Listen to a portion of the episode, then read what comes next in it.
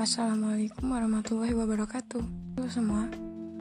Sebelum kita memasuki topik hari ini Perkenalkan Nama saya Rina Hoirunisa Saya dari kelas PAI 7 2019 Alhamdulillah Saya berkuliah di Universitas Islam Negeri Raden Fata Palembang Fakultas Ilmu Tarbiyah dan Keguruan Prodi Pendidikan Agama Islam.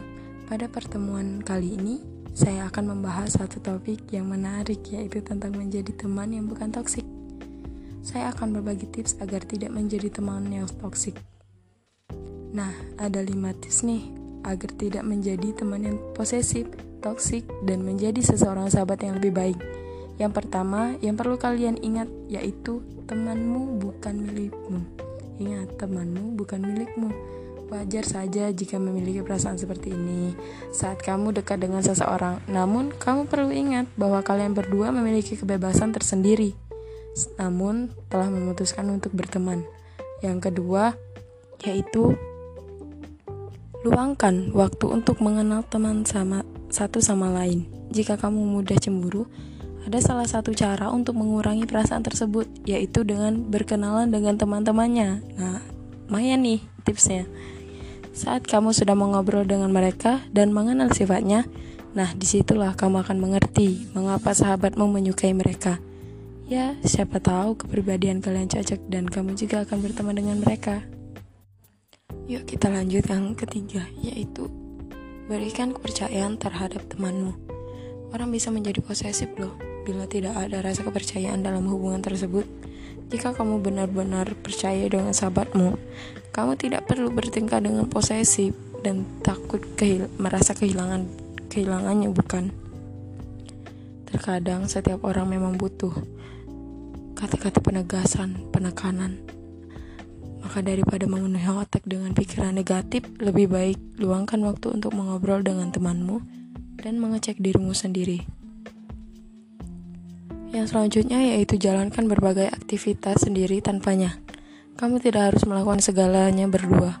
Ada berbagai kegiatan yang seru dilakukan bersama sahabat, namun ada juga kegiatan yang bisa dinikmati sendiri. Jalani hidupmu sendiri dan jangan selalu memaksakannya untuk menemani kamu melakukan segala hal. Ingat, kamu adalah seseorang individu yang tidak pernah ditemani orang lain terus-menerus. Nah, ini nih yang terakhir. Nah, yang satu ini nih jangan mencoba merubah mereka. Tuh, jangan mencoba merubah mereka. Terkadang orang berubah dan terkadang pertemanan juga dapat berubah-ubah. Ada teman musiman yang datang dan pergi seiring waktu dan ada persahabatan yang kuat yang bertahan selama berpuluh-puluhan tahun. Bila temanmu lama-kelamaan menjauh darimu, saatnya kamu introspeksi diri. Apakah kamu termasuk orang yang toksik? Atau memang temanmu, sahabatmu itu yang tipe orang yang mudah bosan dan suka pindah social circle? Jika temanmu mengungkapkan bahwa alasannya adalah sifatmu, maka kamu harus mengambil langkah-langkah memperbaiki mindset dan sifat negatif tersebut. Namun, jika kamu tidak melakukan apa-apa, biarkan mereka pergi dan melupakannya. Dari topik hari ini, sungguh menarik bukan? hari ini semoga bis, bisa bermanfaat untuk kita dan semoga kita terhindar dari lingkungan yang toksik. Sekian podcast hari ini. Kalau ada kalau ladang banyak hama, tak perlu petani untuk berpindah. Hati ini masih ingin bersama, tapi waktu habisnya sudah. Wassalamualaikum warahmatullahi wabarakatuh. Sampai jumpa.